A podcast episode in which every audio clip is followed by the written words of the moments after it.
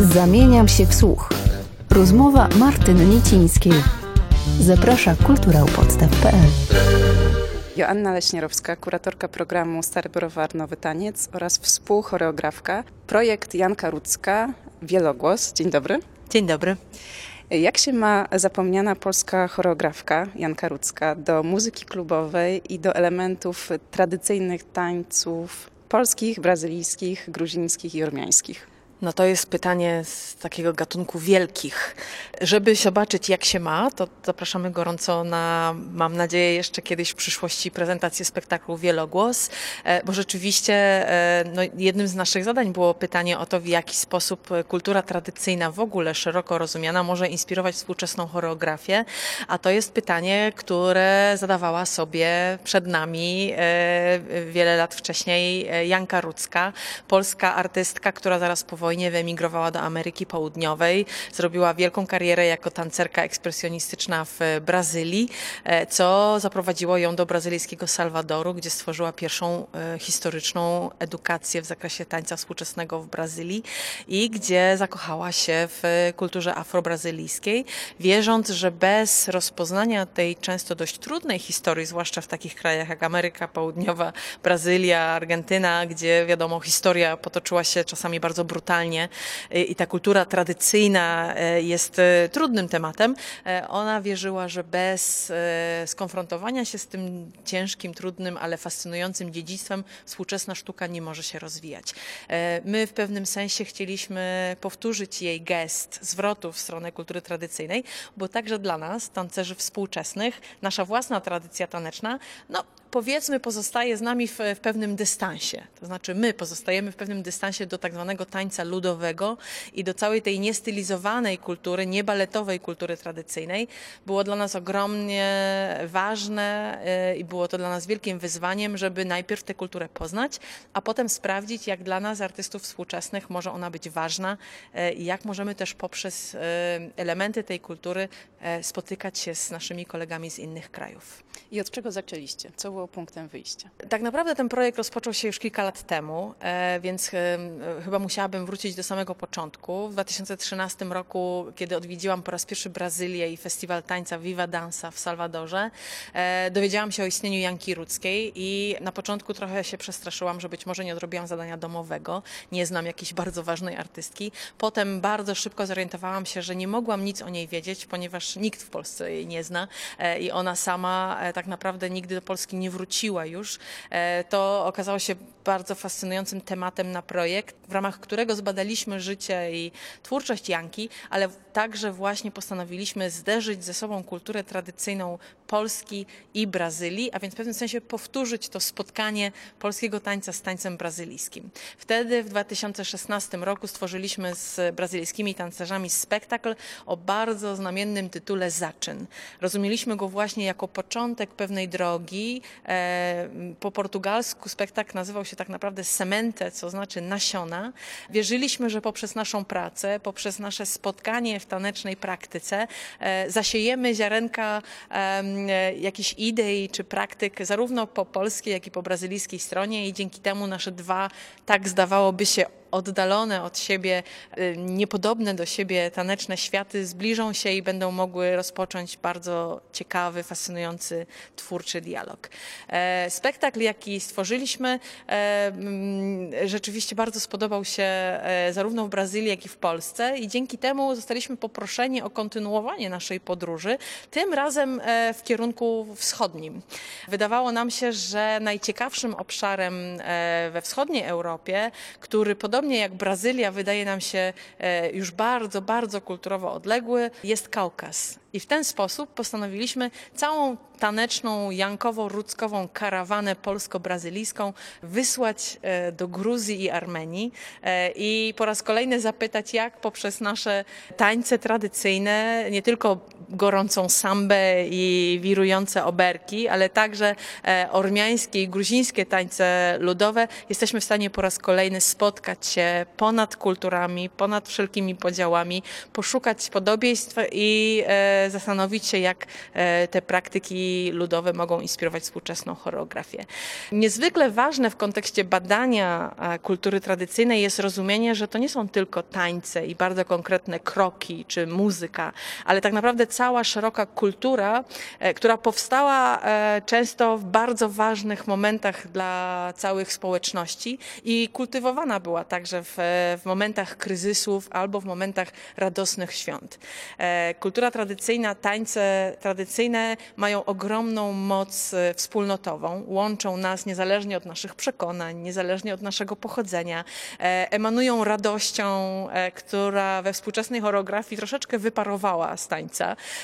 Mają w sobie pewną niezaburzoną niczym energię. Jednocześnie wywodzą się z rytuałów. E, tańce tradycyjne powstawały zawsze w kontekście religijnym. W Polsce to były słowiańskie rytuały, w Brazylii e, kultura afrobrazylijska jest powiązana bardzo mocno z, z religią candomblé, przetransportowaną z Afryki przez Portugalczyków wraz z, z, z niewolnikami. Podobne funkcje e, tańce ludowe spełniają na Kaukazie i właściwie pod każdą szerokością geograficzną. Ten wymiar społeczny, wspólnotowy i e, rytualny tańców ludowych był dla nas niezwykle ważny zarówno w projekcie w Brazylii, jak i teraz teraz. Właściwie wokół nas e, e, cały czas e, wydarzają się przeróżnego rodzaju burze. Tej wiosny w, zarówno w Armenii, jak i w Gruzji odbyły się rewolucje. Bardzo dla nas inspirującą była rewolucja gruzińska w kwietniu tego roku, kiedy to rzesze młodych Gruzinów wyległo na ulicę Tbilisi i przez kilkanaście godzin, a nawet kilka dni chyba tańczyło non-stop do muzyki techno właśnie. I to dało nam dużo bardzo do myślenia, w jaki sposób ta utracona kultura tradycyjna i jej funkcja społeczna odradza się w takiej chociażby kontekście jak e, właśnie muzyka klubowa. I e, zaczęliśmy e, bardziej zagłębiać się też w, w takie zagadnienia kultury techno jako nowego folku.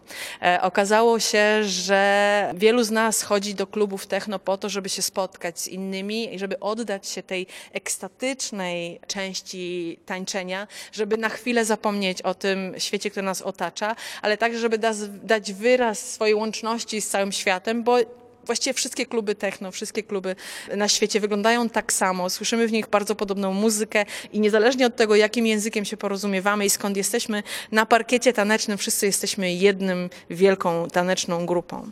E, stąd pomysł, by w e, spektaklu Wielogłos, który też inspirowany jest e, muzyczną kulturą Kaukazu, a więc polifonicznością śpiewu i muzyki z tamtego obszaru, zainscenizować w pewnym sensie spotkanie właśnie na dance floorze. Właśnie w, w, takim współczesnym miejscu, gdzie społeczeństwa, społeczności, e, różnego rodzaju ludzie e, z różnych obszarów działalności kulturowych się spotykają i przeżyć pewnego rodzaju technokolorowy sen, w ramach którego nasze ciała zaczynają śnić i przypominać sobie te języki, które są w nas gdzieś głęboko zapisane, właśnie pochodzące z naszych kultur tradycyjnych.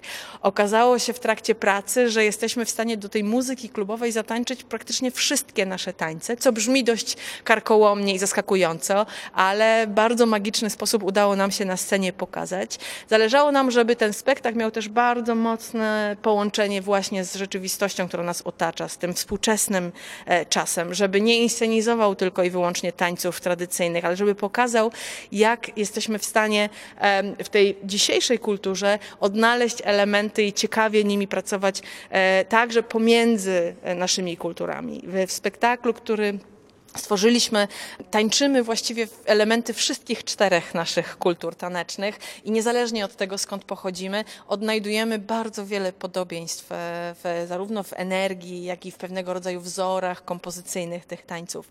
Ta bardzo pogłębiona analiza globalnej kultury tanecznej e, tradycyjnej była dla nas niezwykle inspirująca i okazało się, że jesteśmy w stanie stworzyć bardzo szybko jedną wielką taneczną, ludzką rodzinę e, i ta energia, mam nadzieję, też e, jest obecna na scenie i niesie się i, e, i jest dla nas bardzo ważna.